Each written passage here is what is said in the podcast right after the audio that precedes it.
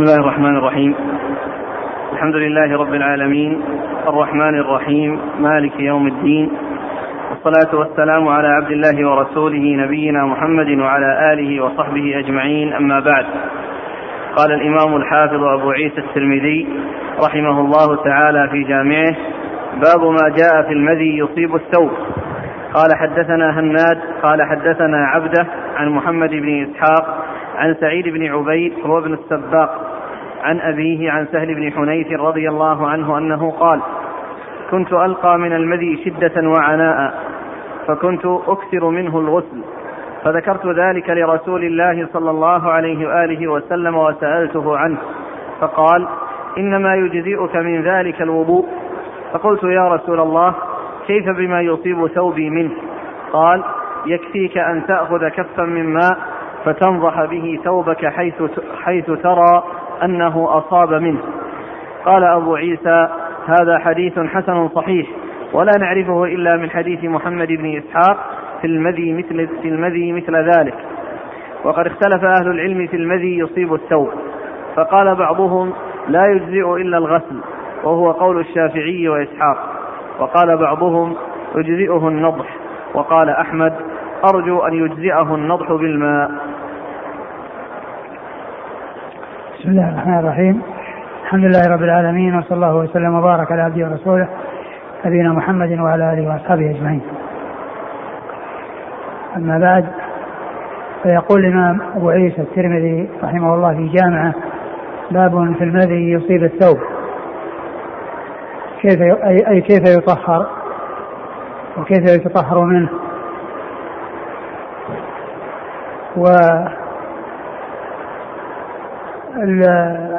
وذكر حديث سهل بن حنيف رضي الله تعالى عنه أنه كان يلقى من المذي شدة وعناء وأنه كان يكثر الغسل بسبب ذلك. فأخبر النبي صلى الله عليه وسلم فقال يكفيك الوضوء. وقال فكيف بما يصيب الثوب؟ قال تأخذ كفا من ماء. وتنضحه عليه وتنضحه عليه.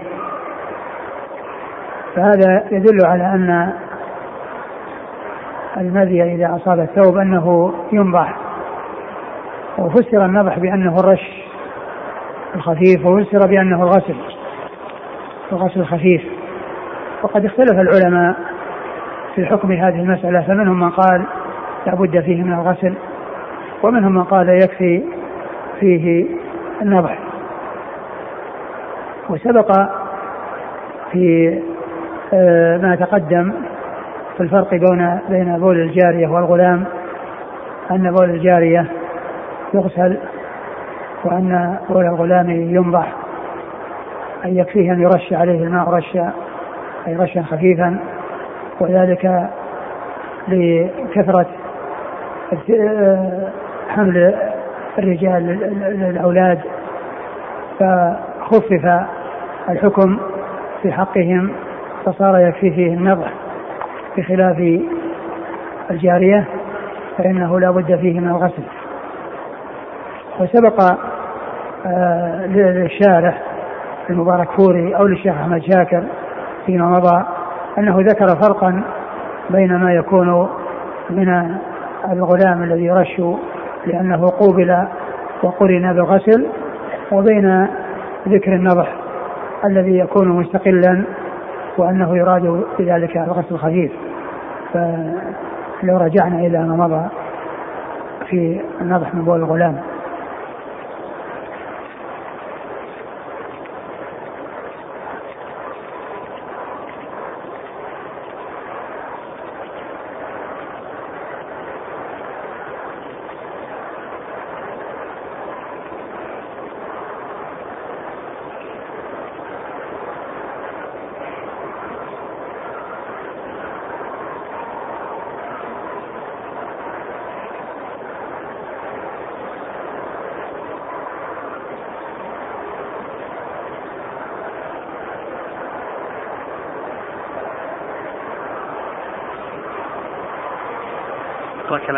كلام الشيخ مشاكر ما في ما في شاكر شيء؟ ها؟ اقرا كلام الفرق بين النضح وال أيوه. المطلوب أقرأ كلام. إيه شوف كلام. الفرق بين النضح والرش. إيه.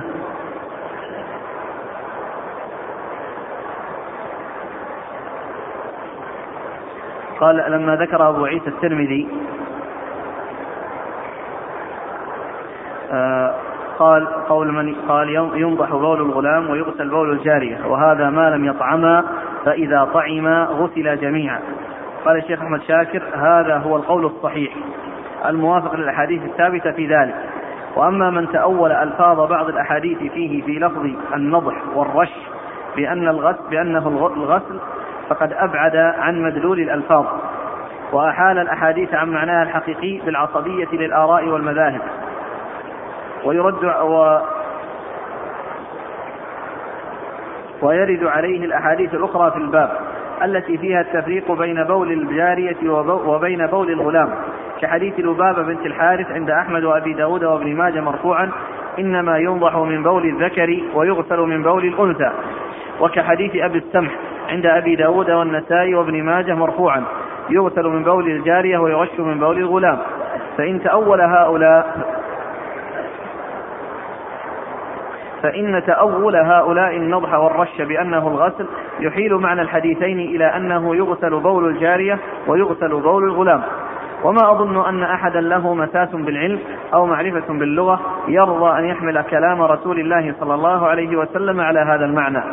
ونفس حديث الباب حديث أم قيس بنت محصن في رواية البخاري فيه فنضحه ولم يغسله فهل معنى هذا أيضا؟ فغسله ولم يغسله وقال العلامة ابن القيم في إعلام الموقعين وهذا من محاسن الشريعة وتمام حكمتها ومصلحتها. والفرق بين الصبي والصبية من ثلاثة أوجه. أحدها كثرة حمل الرجال والنساء للذكر. بعده بعد ابن القيم قال وسواء أسلم لابن القيم هذا التعليل أم لم يسلم وسواء عرفنا الحكمة في الفرق بينهما أم لم نعرف فإن الواجب على الفقيه أن يتبع أمر رسول الله صلى الله عليه وسلم حيث وجده ولا يضرب له الأمثال. انتهى نعم. شوف الشرح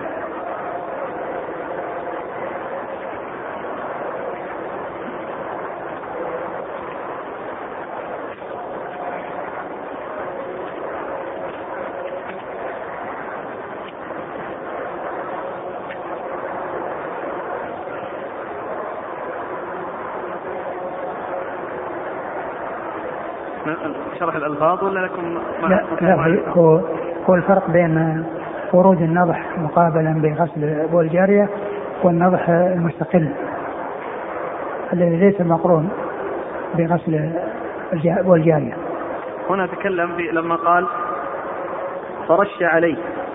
وفي رواية البخاري فنضحه ولم يغسله وفي رواية لمسلم فلم يزد على أن نضح بالماء. قال الحافظ ولا تخالف بين الروايتين أين أي بين نضح ورش لأن المراد به أن الابتداء كان بالرش وهو تنقيط الماء وانتهى إلى النضح وهو صب الماء. ويؤيده رواية مسلم في حديث عائشة من طريق جرير عن هشام فدعا بماء فصبه عليه ولأبي عوان فصبه على البول يتبعه إياه. انتهى. أحسين قال الحافظ في الفتح واختلف العلماء في ذلك على ثلاثة مذاهب أصحها الاكتفاء بالنضح في بول الصبي إلى الجارية وهو قول علي وعطاء والحسن والزهري وإسحاق وابن وهب وغيره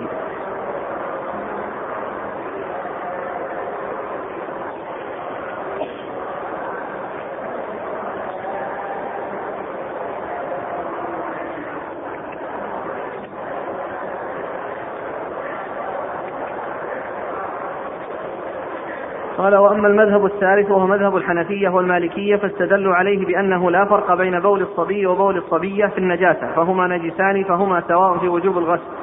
وأجابوا عن أحاديث الباب بأن المراد بالرش والنضح فيهما الغسل أو الغسل فإنه قد قد يذكر أو يذكر النضح ويراد به الغسل وكذلك قد يذكر الرش ويراد به الغسل. أما الأول فكما في حديث علي عند أبي داود وغيره إذا وجد أحدكم ذلك أي المذي فلينضح فرجه وليتوضأ وضوءه للصلاة. رواه أبو داود وغيره. فإن المراد بقوله فلينضح الغسل. والدليل عليه أن هذا الحديث رواه مسلم وغيره ووقع فيه بغسل ذكره ويتوضأ. يغسل ذكره ويتوضأ. ومما يدل على أنه قد ذكر النضح ويراد به الغسل. ما رواه الترمذي عن سهل بن حنيف قال كنت ألقى من المذي شدة وكنت أكثر منه الغسل الحديث. وفيه قلت يا رسول الله فكيف بما يصيب ثوبي منه؟ فقال يكفيك أن تأخذ كفا من ماء فتنضح به من ثوبك حيث يرى أنه أصابه أو حيث ترى أنه أصابه فإن المراد بالنضح هنا الغسل. وأما الثاني وهو أن الرش قد يذكر ويراد به الغسل ففي حديث أسماء رضي الله عنها عند الترمذي. حتيه ثم قرصيه ثم رشيه وصلي فيه. أراد اغسليه فلما قال حتيه إيش؟ حتيه ثم قرصيه ثم رشيه وصلي فيه. أراد اغسليه. فلما ثبت أن النضح والرش يذكران ويراد بهما الغسل وجب حمل ما جاء في هذا الباب من النضح والرش على الغسل. هكذا أجاب العلامة العيني وغيره من, من العلماء الحنفية. وفيه أنه لا شك في أنه قد يذكر النضح ويراد به الغسل وكذلك الرش لكن هذا إذا لم يكن مانع يمنع منه بل يكون هناك دليل يدل على أن يراد بالنضح أو الرش الغسل كما في حديث علي وحديث أسماء المذكورين. وأما فيما نحن فيه فليس ها هنا دليل يدل على أن يراد بالرش أو النضح الغسل بل ها هنا دليل يدل على عدم إرادة الغسل. ففي حديث أم قيس بنت محصن عند البخاري فنضحه ولم يغسله. وفي حديث عائشة عند مسلم فدعا بماء فأتبعه إياه ولم يغسله فقوله ولم يغسل دليل صريح على أنه ليس المراد بالنضح أو الرش في أحاديث الباب الغسل. وقوله صلى الله عليه وسلم في حديث لبابة بنت الحارث إنما يغسل من بول الأنثى وينضح من بول الذكر في جواب لبابة حين قالت ألبس ثوبا إلبس ثوبا وأعطني إزارك حتى أغسله. أيضا دليل واضح على أنه لم يرد لم يرد بالنضح أو الرش في أحاديث الباب الغسل. وأيضا قوله صلى الله عليه وسلم في حديث علي ينضح بول الغلام ويغسل بول الجارية دليل على أنه ليس المراد بالنضح الغسل وإلا لكان المعنى يغسل بول الجارية وهو كما ترى في الكلام ذاك الذي راح ذكر الفرق بين يعني ما كان مقترنا بالغسل اللي هو بول الجارية وبين ما كان مستقلا. فإنه يراد به يراد به الغسل. نعم. نعود إلى بس هذا الذي أردت آه، الإشارة إليه.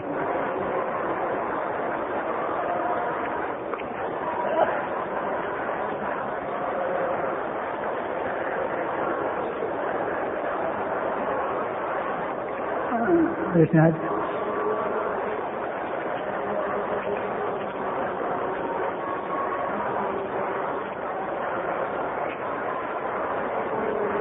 قال حدثنا هناد. هناد بن السري أبو السري ثقة أخرجه البخاري في خلق افعال العباد ومسلم وأصحاب السنة. عن عبده. عن عبده بن سليمان ثقة أخرجه أصحاب الكتب الستة. عن محمد بن إسحاق. محمد بن إسحاق صدوق أخرجه البخاري تعليقا ومسلم وأصحاب السنة.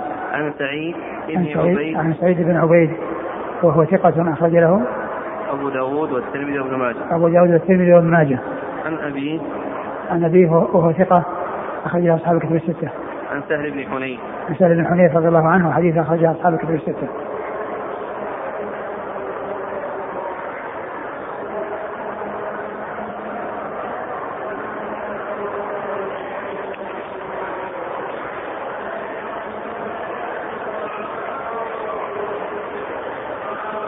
قال أبو عيسى هذا حديث حسن صحيح ولا نعرفه إلا من حديث محمد بن إسحاق في المذي, في المذي مثل ذلك مثل هذا. وقد اختلف أهل العلم في المذي يصيب الثوب فقال بعضهم لا يجزئ إلا الغسل وهو قول الشافعي وإسحاق الشافعي محمد بن زيد آه، أحد أصحاب المذاهب الأربعة المشهورة مذاهب السنة وحديث أخرجه البخاري تعليقا وأصحاب السنة وإسحاق بن إبراهيم بن راهويه الحنظلي ثقة أخرجه أصحاب الكتب الستة إلا ابن ماجه. وقال بعضهم يجزئه النضح. قال بعضهم يجزئه النضح، أيوه. وقال أحمد أرجو أن يجزئه النضح بالماء. قال أحمد أرجو أن يجزئه النضح بالماء، يعني يكون في رش.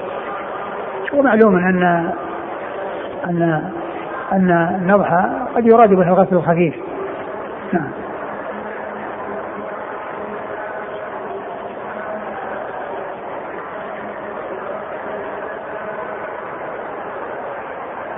يقول السائل المذي إذا أصاب الثوب لكن جف هل يصلى؟ لا.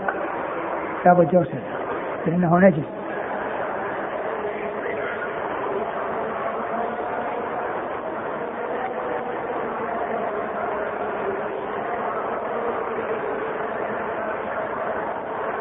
قال رحمه الله تعالى باب ما جاء في المني يصيب الثوب.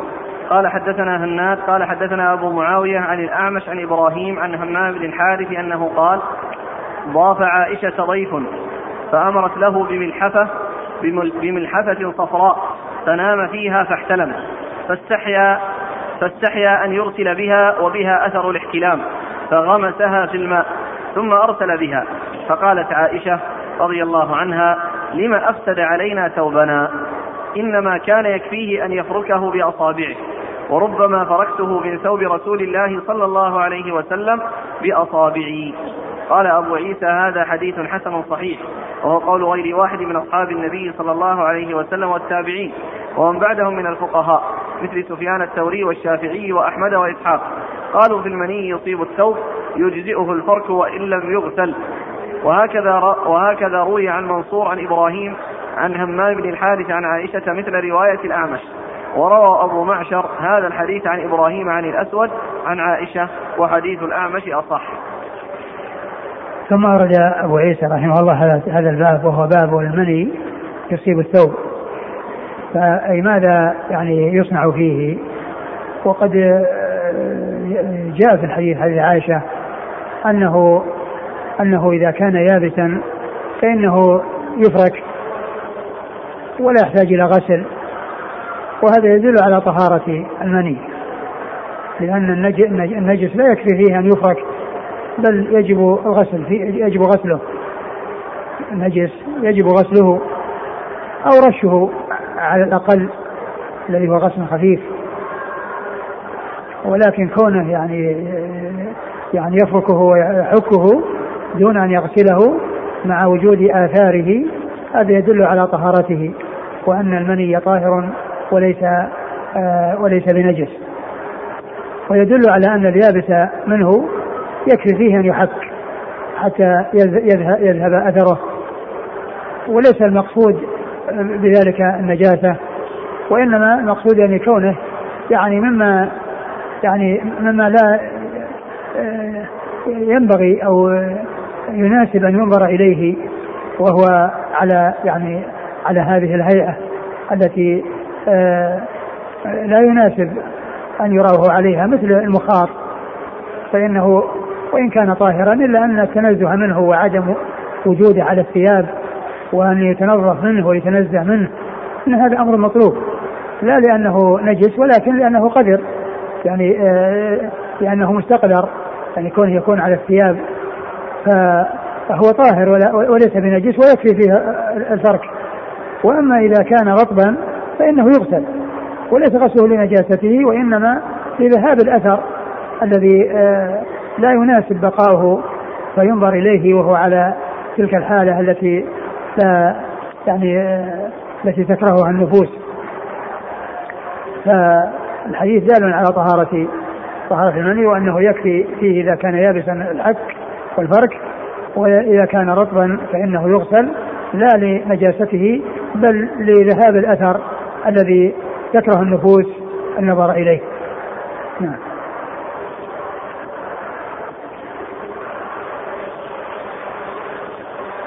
عن همام بن الحارث قال ضاف عائشة ضيف. يعني يعني شخص صار ضيفا عندها يعني نزل يعني ضيفا عليها فأعطته ملحفة فاحتلم بها فكره أن يعيدها إليها وهي فيها أثر أثر الاحتلام فغمسها في الماء وغسلها. فقالت لماذا أفسد علينا؟ يعني لماذا أفسد علينا؟ لما أفسد علينا ثوبنا. ثوبنا. لما أفسد علينا ثوبنا كان يكفيه أن يحكه أو يفركه. نعم. فأمرت له ضاف عائشة ضيف فأمرت له بملحفة, بملحفة صفراء فنام عليها فاحتلم فاستحيا أن يرسل بها وبها أثر الاحتلام. فغمسها في الماء ثم أرسل بها فقالت عائشة لما أفسد علينا ثوبنا؟ إنما كان يكفيه أن يفركه بأصابعه. وربما فركته من ثوب رسول الله صلى الله عليه وسلم بأصابعي نعم وهذا يدل على طهارة. لأن لأن الطهارة لا تكون بالفرك. يعني وإنما تكون بالغسل. نعم.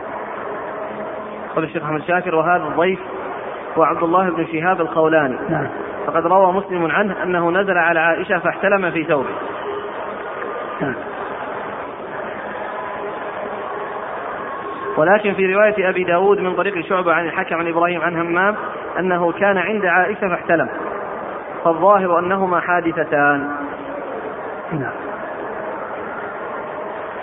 قال حدثنا هناد عن أبي معاوية. هناد من ذكر أبو معاوية هو محمد بن خازم الضرير الكوفي ثقة أخرجه أصحاب الكتب الستة. عن الأعمش. الأعمش بن بن مهران الكاهلي الكوفي وهو ثقة أخرجه أصحاب الكتب الستة. عن أبي عن إبراهيم. عن إبراهيم وهو بن يزيد بن قيس النخعي الكوفي ثقة أخرجه أصحاب الكتب الستة. عن همام بن الحارث. عن همام بن الحارث ثقة أخرجه أصحاب الكتب الستة. عن عائشة. عن عائشة ام المؤمنين رضي الله عنها وأرضاها الصديقه بن الصديق وهي واحدة من سبعة أشخاص عرفوا بكثرة الحديث عن النبي صلى الله عليه وسلم. قال أبو عيسى هذا حديث حسن صحيح وهو قول غير واحد من أصحاب النبي صلى الله عليه وسلم والتابعين ومن بعدهم من الفقهاء مثل سفيان مثل سفيان الثوري والشافعي وأحمد وإسحاق قالوا في المني يصيب الثوب يجزئه الفرك وإن لم يغسل. نعم. قالوا بمقتضى الحديث الفرك وان لم يغسل. نعم.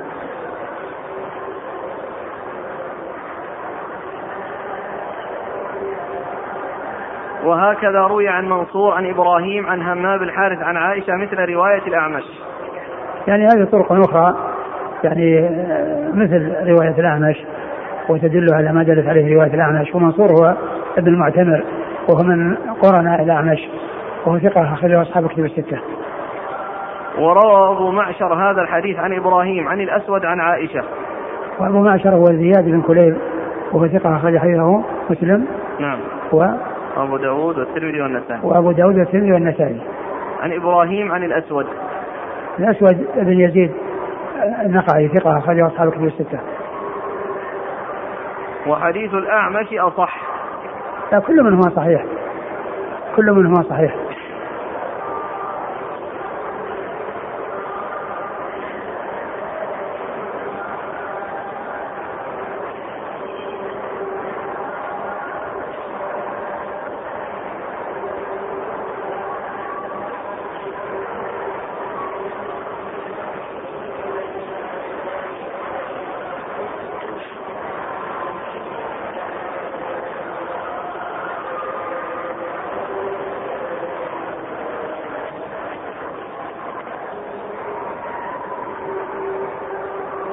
يقول فضيلة الشيخ لماذا لا تكون طهارة المني خاصة بالنبي صلى الله عليه وسلم مثل دمه الذي شربه أحد الصحابة؟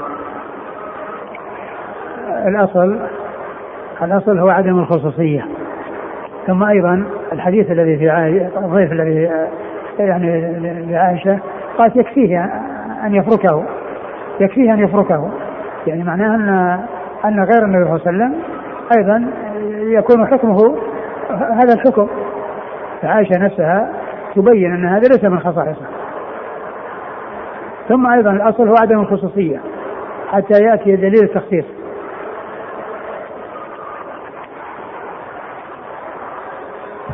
يقول إذا أصاب الإنسان المني وكان رطبا فهل له أن يتركه حتى ييبس ثم يفركه؟ ليس من المناسب أنه يعني يبقيه على على الهيئة التي يعني مستقرة. بل عليه أن يغسله حتى يزول ذلك الأثر.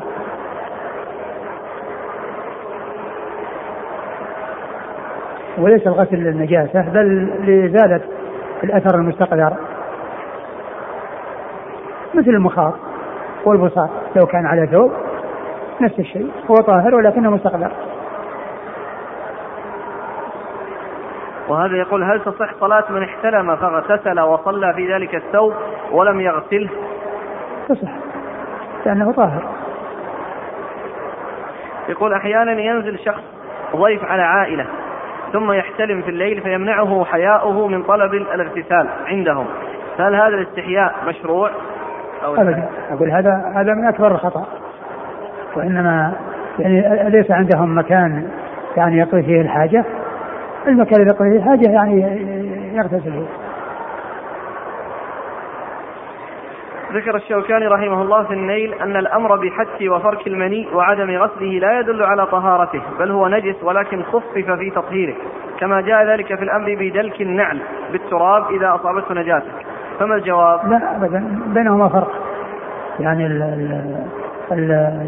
النعال يعني يعني يصيب يعني شيء ثم بعدين ينتقل إلى مكان آخر.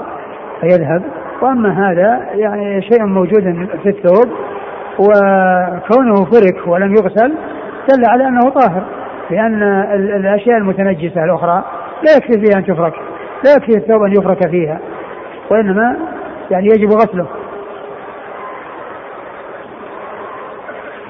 هل قصة نزول الضيف عند عائشة رضي الله عنها كان في حياة النبي صلى الله عليه وسلم أو بعد وفاته؟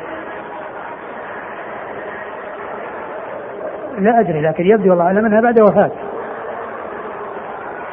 بعد وفاته وبعدين ليس بلازم أن يكون عندها في الحجره وإنما يكون يعني ضيف يعني يعني يمكن أنه يعطى يعني شيء يعني مثل فراش وما إلى ذلك وليس بلازم أن يكون معها. يقول كيف يفرق بين المني والمذي في النجاسة؟ وكل منهما يخرج من مكان واحد. المذي جاء أنه يغسل والمني جاء أنه يفرك. ومعلوم أن الفرك يدل على الطهارة والغسل يدل على النجاسة. هل يلزم من خروج المني خروج المذي أولا؟ لا ليس ليس هناك تلازم فقد يخرج المذي بدون بدون ما يخرج مني. وقد يحصل يخرج مذي ثم يخرج مني. والمني يعني المذي يعني كما هو عند التفكر وعند المداعبة والملاعبة وقد لا يحصل جماع ولا يحصل مني ولكن يحصل مذي. قال رحمه الله تعالى باب غسل المني من الثوب. قال حدثنا أحمد بن منيع. قال حدثنا أبو معاوية عن عمرو بن ميمون بن مهران عن سليمان بن يسار عن عائشة رضي الله عنها أنها غسلت منيا من ثوب رسول الله صلى الله عليه وآله وسلم. ثم ورد أبو عيسى باب في في غسل المني من الثوب. في غسل المني من الثوب. يعني غسله إذا كان رطبا. غسله إذا كان رطبا. أورد حديث عائشة رضي الله عنها أنها كانت تغسل المني من ثوب رسول الله صلى الله عليه وسلم. ومعلوم أن هذا الغسل إنما هو للنظافة وعدم يعني آه، لا آه، النظافة لا للنجاسة المني ليس بنجس وإنما هو طاهر. وغسله لذهاب ذهاب الشيء الذي يعني لا يناسب النظر إليه. قال حدثنا أحمد بن منيع أحمد بن منيع ثقة أخرجه أصحاب الكتب الستة.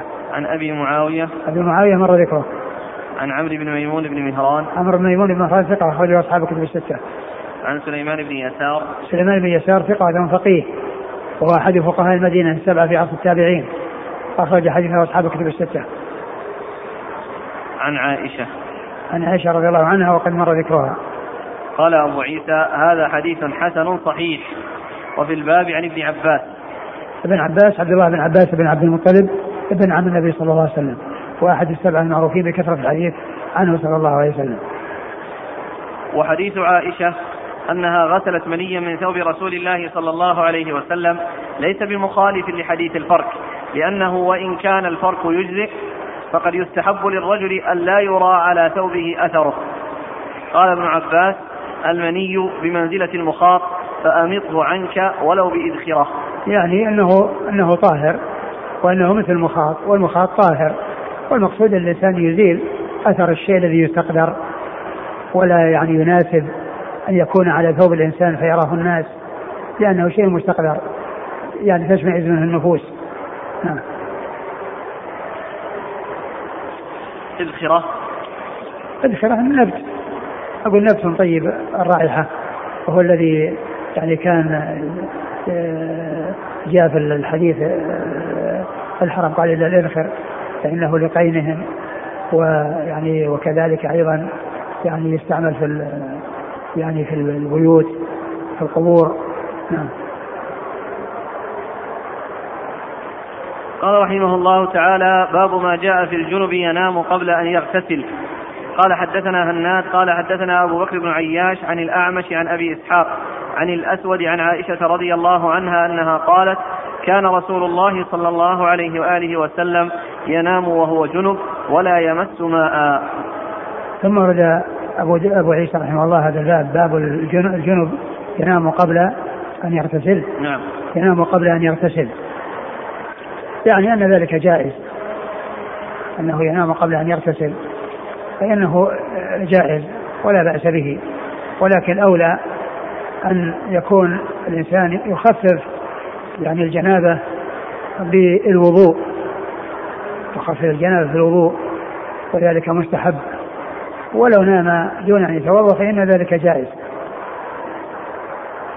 وأورد في ذلك حديث عائشة رضي الله عنها أن أن قالت كان صلى الله عليه وسلم ينام وهو جنب ولا يمس ماء. كان ينام وهو جنب ولا يمس ماء ولا يمس ماء. وهذا يعني فيه الإشارة إلى عدم استعمال الماء. ومنهم من قال إنه أنه لا لم يمس ماء للغسل. فلا ينفي أن يكون قد توضأ. وقد جاء ما يدل على على أنه يتوضأ. ولا شك أن ذلك مستحب. وهو الأولى والأفضل. ولو نام غير مغتسل وغير متوضئ فإن ذلك جائز. ولكن الأولى خلافه. نعم. قال حدثنا هناد عن أبي بكر بن عياش. أبو بكر بن عياش ثقة أخرج له أصحاب كتب الستة. مسلم في المقدمة. مسلم أصحاب كتب الستة إلا مسلم في المقدمة. نعم. أخرج أصحاب كتب الستة إلا مسلم في المقدمة عن الأعمش عن أبي إسحاق الأعمش مر ذكره أبو إسحاق هو عمرو بن عبد الله الهمداني السبيعي وهو ثقة أخرجه أصحاب كتب الستة. عن الأسود عن عائشة. عن الأسود وهو ابن يزيد النخعي ثقة أخرجه أصحاب كتب الستة. عن عائشة مر ذكرها. قال حدثنا هناد قال حدثنا وكيع عن سفيان عن أبي إسحاق نحوه. وهناد هناد عن وكيع مر ذكرهما. عن سفيان عن سفيان هو الثوري بن سعيد سفيان بن سعيد المسروق الثوري ثقة فقيه أخرجه أصحاب الكتب الستة. عن أبي إسحاق نحوه. نعم. قال أبو عيسى وهذا قول سعيد بن المسيب وغيره. سعيد بن المسيب ثقة فقية أحد فقهاء المدينة السبعة في عصر التابعين. يعني أنه يعني آه، آه، يجوز له أن ينام دون أن يمس ماء.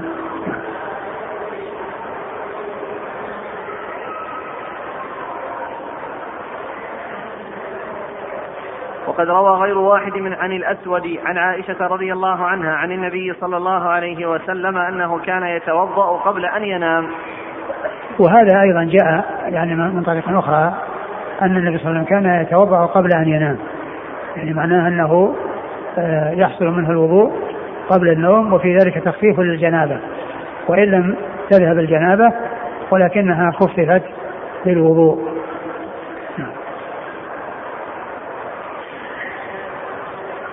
وهذا أصح من حديث أبي إسحاق عن الأسود. يعني أنه يتوضأ أنه يحصل منه الوضوء قبل أن ينام. ويكون المقصود بقوله يعني أنه دون أن يمس ماء يعني ماء للاغتسال فلا ينفي أن يكون يحصل منه الوضوء. نعم. وقد وقد وقد روي لا بل روى. وقد روى عن أبي إسحاق هذا الحديث شعبة والثوري وغير واحد. ويرون أن هذا غلط من أبي إسحاق. يعني أنها أنها أنه يعني ليس فيه ذكر الوضوء. ولا ذكر الوضوء من الطريق الأخرى التي أشار إليها المصنف. نعم. وقد روى عن أبي إسحاق هذا الحديث شعبة والثوري. شعبة ابن الحجاج الواسط ثم البصري ثقة أخرجه أصحاب كتب الستة. وغير واحد ويرون أن هذا غلط من أبي إسحاق.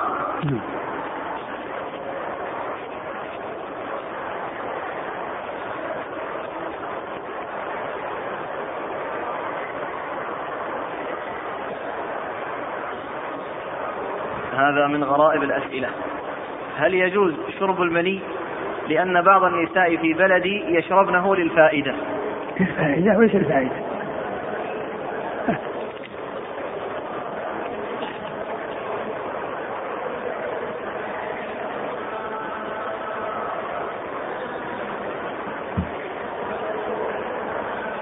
قال رحمه الله تعالى باب ما جاء في الوضوء للجنب إذا أراد أن ينام.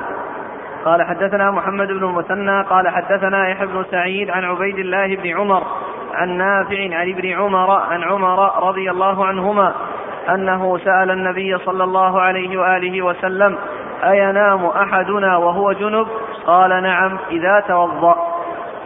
ثم ورد أبو عيسى باب في في الجنب يتوضأ قبل أن ينام وأورد في حديث عمر رضي الله تعالى عنه أنه سأل النبي صلى الله عليه وسلم أينام أحدنا وهو جنب قال نعم إذا توضأ. ومعلوم أن الوضوء ليس فيه إزالة الجنابة ولكن فيه تخفيفها. وقد جاء يعني في حديث عمر وغيره أنه كان يتوضأ قبل أن ينام وأن النبي صلى الله عليه وسلم أرشد إلى أن الإنسان يتوضأ قبل أن ينام ليكون على طهارة آه على على شيء من الطهارة. وإن لم تكن يعني كاملة إلا أنها مخففة أي الجنابة. وذلك بالوضوء.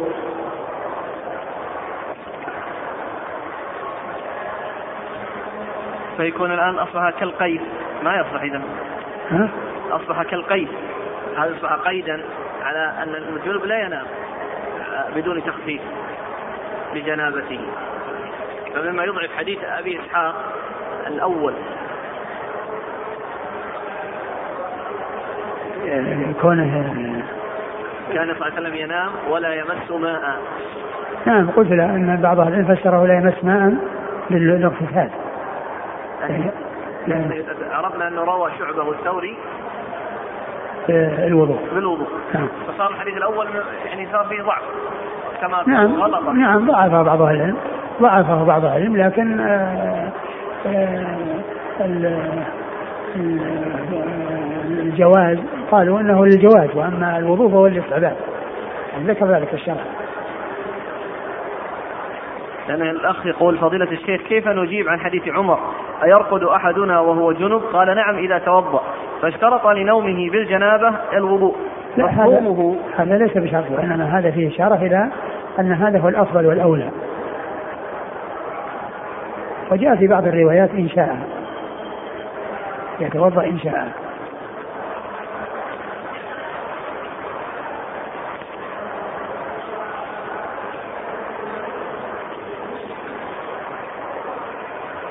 شو إيش قال في الشرح؟ هنا ذكر مخلاصته أحمد شاكر يقول في الباب السابق نقلنا عن ابن حجر في التلخيص أنه نقل هذا الحديث عن ابن عمر بزيادة إنشاء في آخره ونسبه لصحيحي ابن خزيمة وابن حبان. ونقلنا عن ابن التركماني في الجوهر النقي أنه نقله عن عمر بهذه الزيادة ونسبه لصحيح ابن حبان. والذي أظنه أن الرواية عند ابن خزيمة وابن حبان بهذه الزيادة إنما هي من حديث عمر. وأما ما في التلخيص خطأ من النسخ أو الطبع بل هذا هو الراجح عندي لأن الحديث معروف أنه حديث عمر وإن جاء في بعض الأسانيد ما يفهم منه ما يفهم منه أنه من حديث ابن عمر. وانظر فتح الباري. هذا الموضوع لا لا في شيء غير هذا.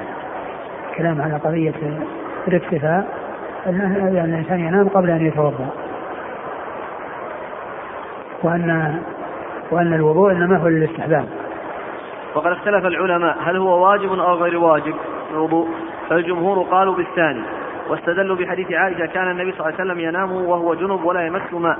ماء. وقد تقدم أن فيه مقالا لا ينتهض به للاستدلال. وبحديث طوافه صلى الله عليه وسلم على النساء بغسل واحد ولا يخفى أنه ليس فيه على المدعى أو المدعي هنا دليل. ليس فيه على المدعى هنا دليل. وبحديث ابن عباس مرفوعا إنما أمرت بالوضوء إذا قمت إلى الصلاة. ليس فيه أيضا دليل على المدعى كما لا يخفى. وذهب داود وجماعة إلى الأول لورود الأمر بالوضوء. ففي رواية البخاري ومسلم ليتوضأ ثم لينم وفي رواية لهما توضأ واغسل ذكرك ثم نم. قال الشوكاني يجب الجمع بين الأدلة بحمل الأمر على الاستحباب. ويؤيد ذلك أنه أخرج ابن خزيمة وابن حبان في صحيحيهما من حديث ابن عمر أنه سئل النبي صلى الله عليه وسلم أينام أحدنا وهو جنب؟ قال نعم ويتوضأ إن شاء. انتهى. وقال النووي في شرح مسلم. وأما حديث أبي إسحاق السبيعي عن الأسود عن عائشة أن النبي صلى الله عليه وسلم كان ينام وهو جنب ولا يمس ماء رواه أبو داود والترمذي والنسائي وابن ماجه وغيرهم فهو ضعيف. ولو صحح لم يكن مخالفا يعني لحديث ابن عمر المذكور في الباب وما في معناه. بل كان له جوابان. أحدهما جواب الإمامين الجليلين أبي العباس بن سريج وأبي بكر البيهقي أن المراد لا يمس ماء للغسل. والثاني وهو عندي حسن أن المراد أنه كان في بعض الأوقات لا يمس ماء أصلا لبيان الجواز إذ لو واظب عليه لتوهم وجوبه. انتهى. هذا أو تريدون مكان ثاني؟ لا هذا.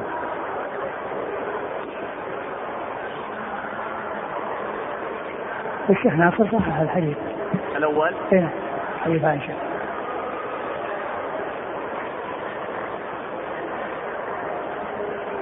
قال حدثنا محمد بن المثنى محمد بن المثنى أبو موسى الجنن ثقة أخرجه أصحاب الكتب الستة وهو شيخ لأصحاب الكتب الستة.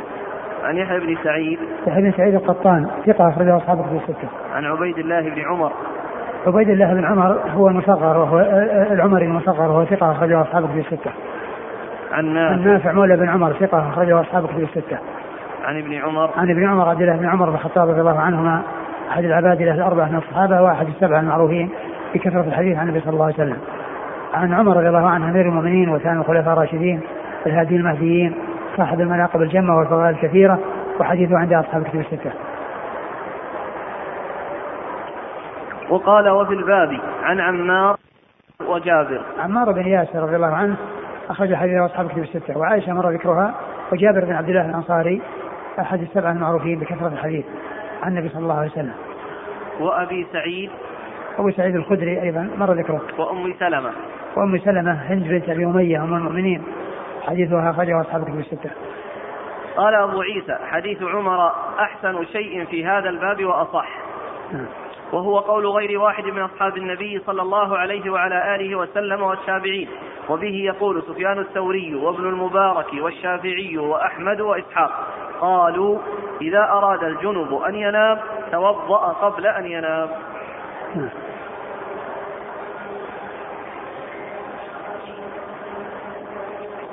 قال رحمه الله تعالى باب ما جاء في مصافحة الجنب قال حدثنا إسحاق بن منصور قال حدثنا يحيى بن سعيد القطان قال حدثنا حميد الطويل عن بكر بن عبد الله المزني عن أبي رافع عن أبي هريرة رضي الله عنه أن النبي صلى الله عليه وآله وسلم لقيه وهو جنب. قال فانبجست أي فانخنست فاغتسلت ثم جئت ثم جئت به. فقال أين كنت؟ أو أين ذهبت؟ ثم جئت به. هكذا عندي. نعم. ثم جئت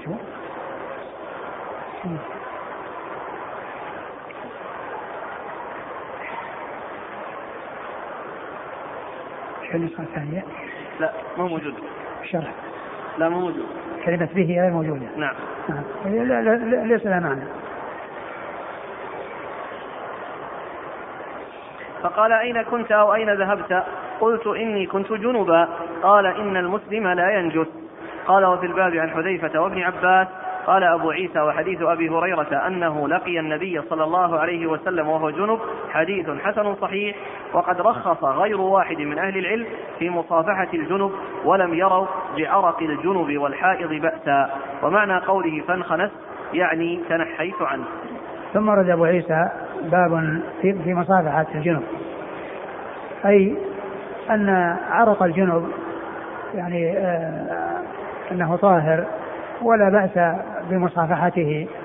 وكذلك الحائض أيضا لا بأس يعني بمماستها ويعني عرقها طاهر. فالجنب والحائض كل منهما عرقه طاهر.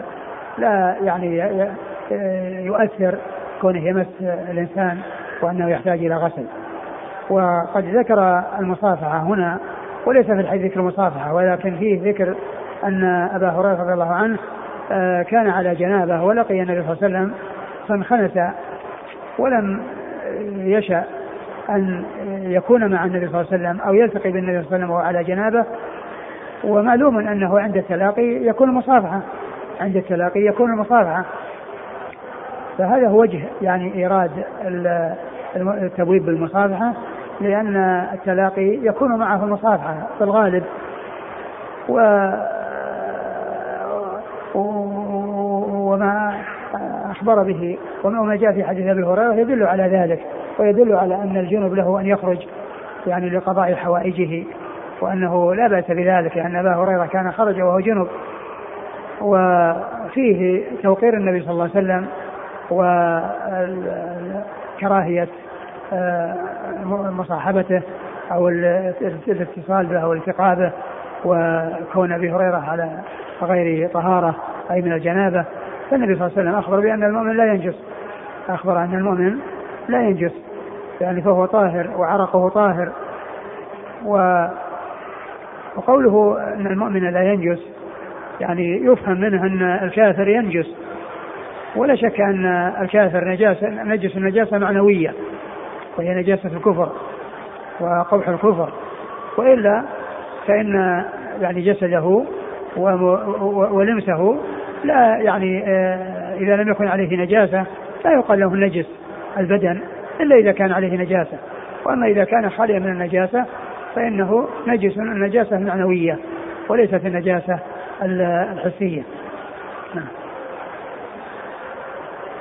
عن أبي هريرة رضي الله عنه أن النبي صلى الله عليه وسلم لقيه وهو جنب قال فانبجست أي فانخنست فاغتسلت ثم جئت. فقال أين كنت أو أين ذهبت؟ قلت إني كنت جنبا. قال إن المسلم لا ينجس. يعني هو رآه وثم إنه اختفى عنه. فسأل عن عن هذا الذي حصل منه من الاختفاء والتواري عنه فأخبر أنه كان جنبا وأنه كره أن يعني يلتقي به أو يرافقه أو يكون معه صلى الله عليه وسلم وهو على جنابه.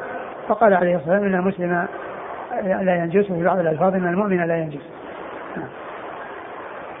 قال حدثنا إسحاق بن منصور. إسحاق بن منصور هو الكوسج وهو ثقة أخرجه أصحاب كتب الستة إلا أبا داود. عن يحيى بن سعيد القطان عن حميد الطويل. يحيى بن سعيد القطان مر ذكره حميد الطويل هو حميد بن أبي حميد الطويل ثقة أخرجه أصحاب كتب الستة. عن بكر بن عبد الله المزني. بكر بن عبد الله المزني ثقة أخرجه أصحاب كتب الستة. عن أبي رافع. عن أبي رافع آه، مولى رسول الله صلى الله عليه وسلم. عن أبي رافع وهو نفيع الصائغ. وهو نفيع الصائغ. وهو ثقة أخرج له. أصحاب الكتب. أصحاب الكتب الستة. عن أبي هريرة. عن أبي هريرة رضي الله عنه عبد الرحمن بن صخر الدوسي وهو أكثر الصحابة حديثا على الإطلاق رضي الله عنه وأرضاه. قال وفي الباب عن حذيفة وابن عباس. حذيفة ابن اليمان رضي الله عنه أخرج حديثه أصحاب الكتب الستة. وابن عباس مر ذكره. قال أبو عيسى هذا حديث حسن صحيح. وقد رخص غير واحد من أهل العلم في مصافحة الجنب ولم يروا بعرق الجنب والحائض بأسا. يعني مصافحة الجنب وإن كان يعني في يده عرق فإن ذلك لا بأس به ولا يؤثر. و كما ذكرت إيراد الترجمة في المصافحة لأن التلاقي يكون معه في الغالب المصافحة ويدل على أن مصافحة الجنوب أنه لا بأس بها لأنه طاهر وليس بنجس وعرقه يكون طاهرا وليس بنجس.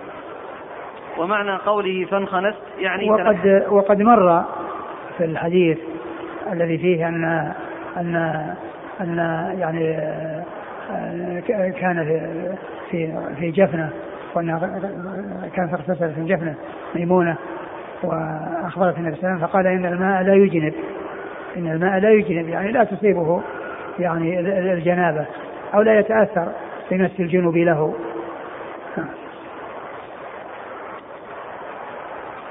ومعنى قوله فانخنست يعني تنحيت عنه. نعم. يقول السائل أليس فيه دليل على جواز مس, الجنوب للمصحف لأنه لا ينجس أي طاهر؟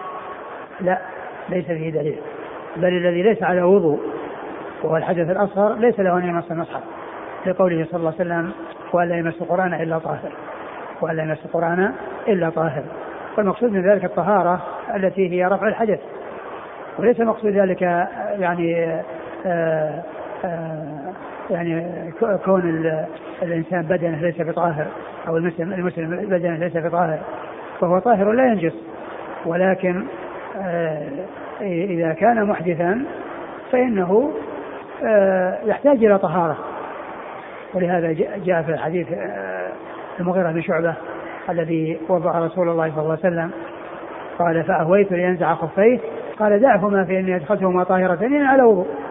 دعهما فإني أدخلتهما طاهرتين يعني على وضوء. على طاهرة يعني في طهارة الوضوء.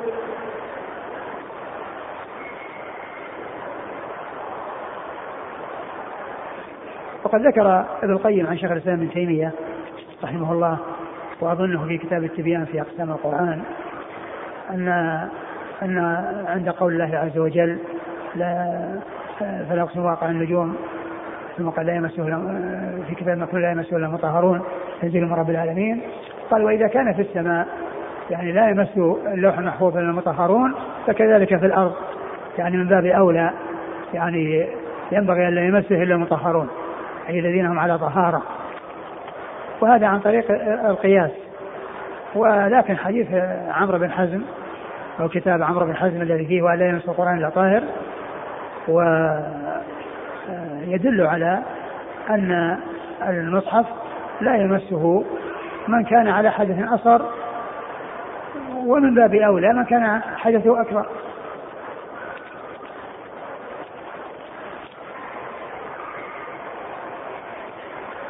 هل ثبت عنه صلى الله عليه وسلم أنه تيمم عن جنابه ثم نام؟ لا أدري. وهذا يقول هل يقوم التيمم مقام الوضوء قبل النوم للجنب؟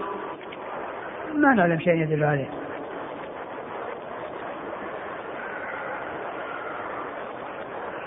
والماء إذا كان موجودا لا ينتقل عنه إلى التيمم. يقول إذا كان الرجل جنبا فتوضأ ثم نام فهل يلزمه الوضوء مرة أخرى عند الاغتسال؟ أم يكفي يكفيه أن يصب الماء على جسده اللزوم ليس بلازم. الوضوء ليس بلازم حتى في الأول.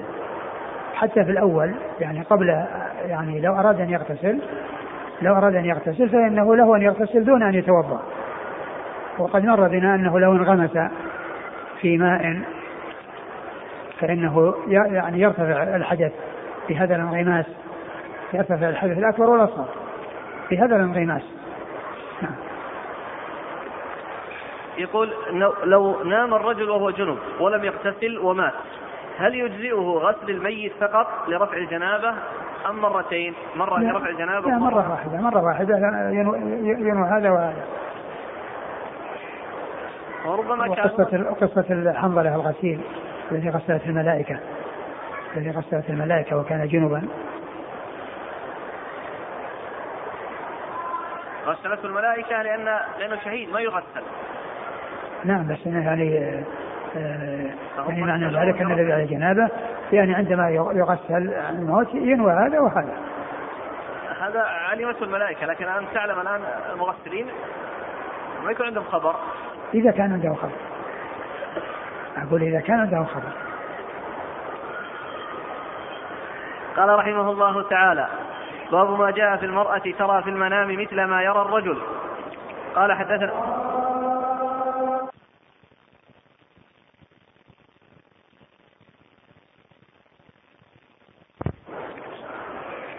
والله تعالى أعلم وصلى الله وسلم وبارك على نبينا ورسول نبينا محمد وعلى آله وأصحابه أجمعين.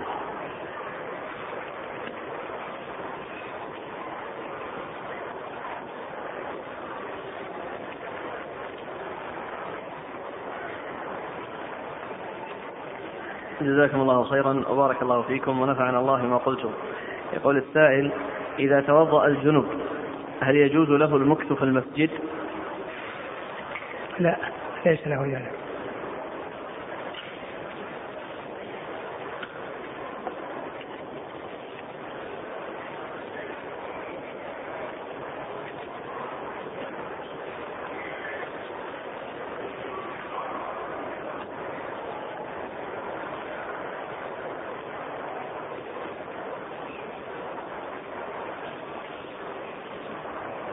تقول تقول هذه المرأة فضيلة الشيخ آه، جاءني الحيض وأنا في العمرة في السعي.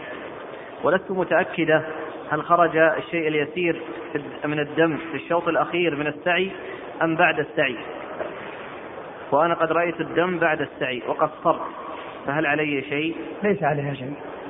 لأن السعي لا تشترط لها الطهارة. تقول يقول السائل حفظك الله إذا كان الثوب أبيضا ولا يرى آثار المذي فماذا نصنع؟ إذا كان الثوب أبيض ولم يعرف آثار المذي موضعها. يعني إذا كان ما ما رأى مذي يعني معناه ما في مذي. يعني إذا عرف يعني تأكد أن في نجاسة لكن ما عرف موقعها. إذا كان يعرف إذا كان ثوب فيه نجاسة ولا يعرف موضعها يغسل كله.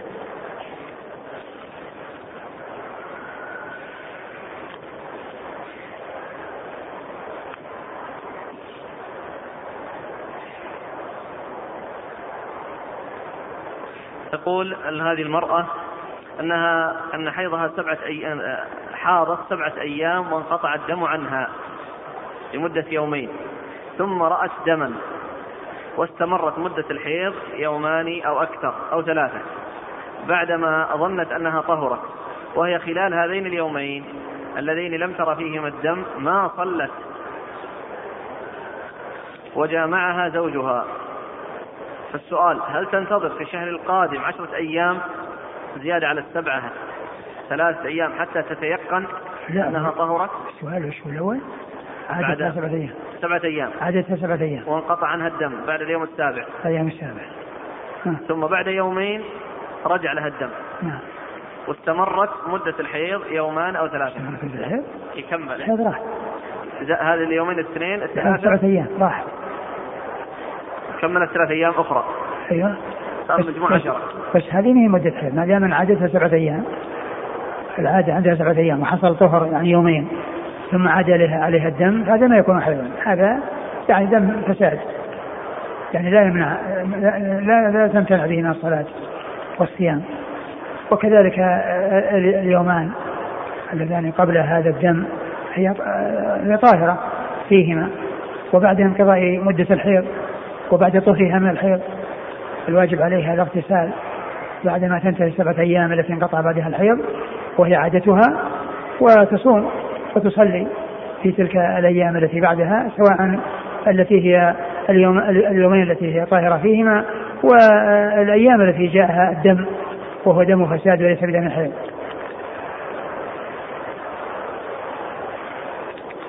يقول فضيلة الشيخ هل يجب على من احتلم وهو نائم في المسجد معتكف أن يبادر بالاغتسال فور علمه بالاحتلام أم يجوز أن يواصل نومه حتى يقرب وقت الصلاة ثم يغتسل؟ لا إذا إذا استيقظ إذا استيقظ يجب عليه أنه يذهب ويغتسل. ما ينتظر. يعني لا يمكث في المسجد وهو جنوب. وهل يجوز للجنب أن يحمل المصحف؟ نعم حمله جائز.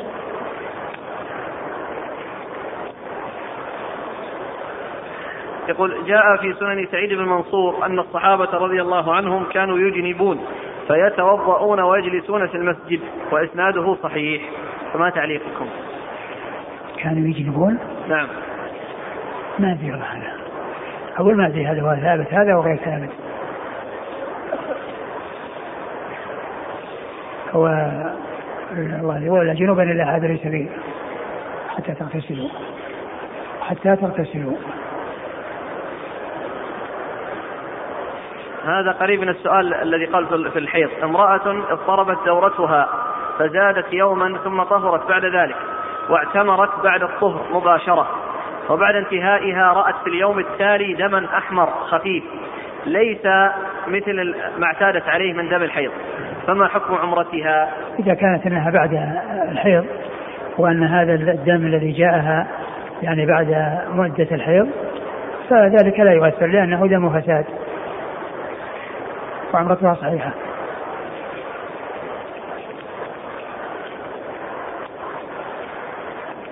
يقول أحسن الله إليك عند الطواف وفي الشوط الخامس جاءتني حالة تشنج لمدة دقيقتين تقريبا.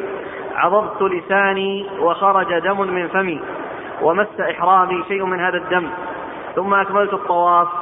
فهل عمرتي صحيحة وماذا علي؟ ما يؤثر. إذا كان هذا الدم يسير ما يؤثر.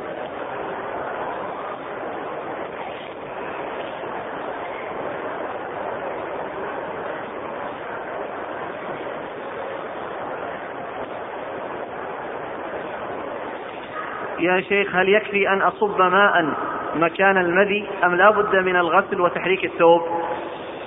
والله لا شك أن الاحتياط هو الغسل. يعني كونه أقول يحركه. يقول السائل هل يوجد من الصحابة من اسمه مالك بن دينار؟ مالك بن دينار هذا مر بنا قريبا متأخر. هذا الذي الذي يروي عنه ذاك بن الحارث بن وجيه الضعيف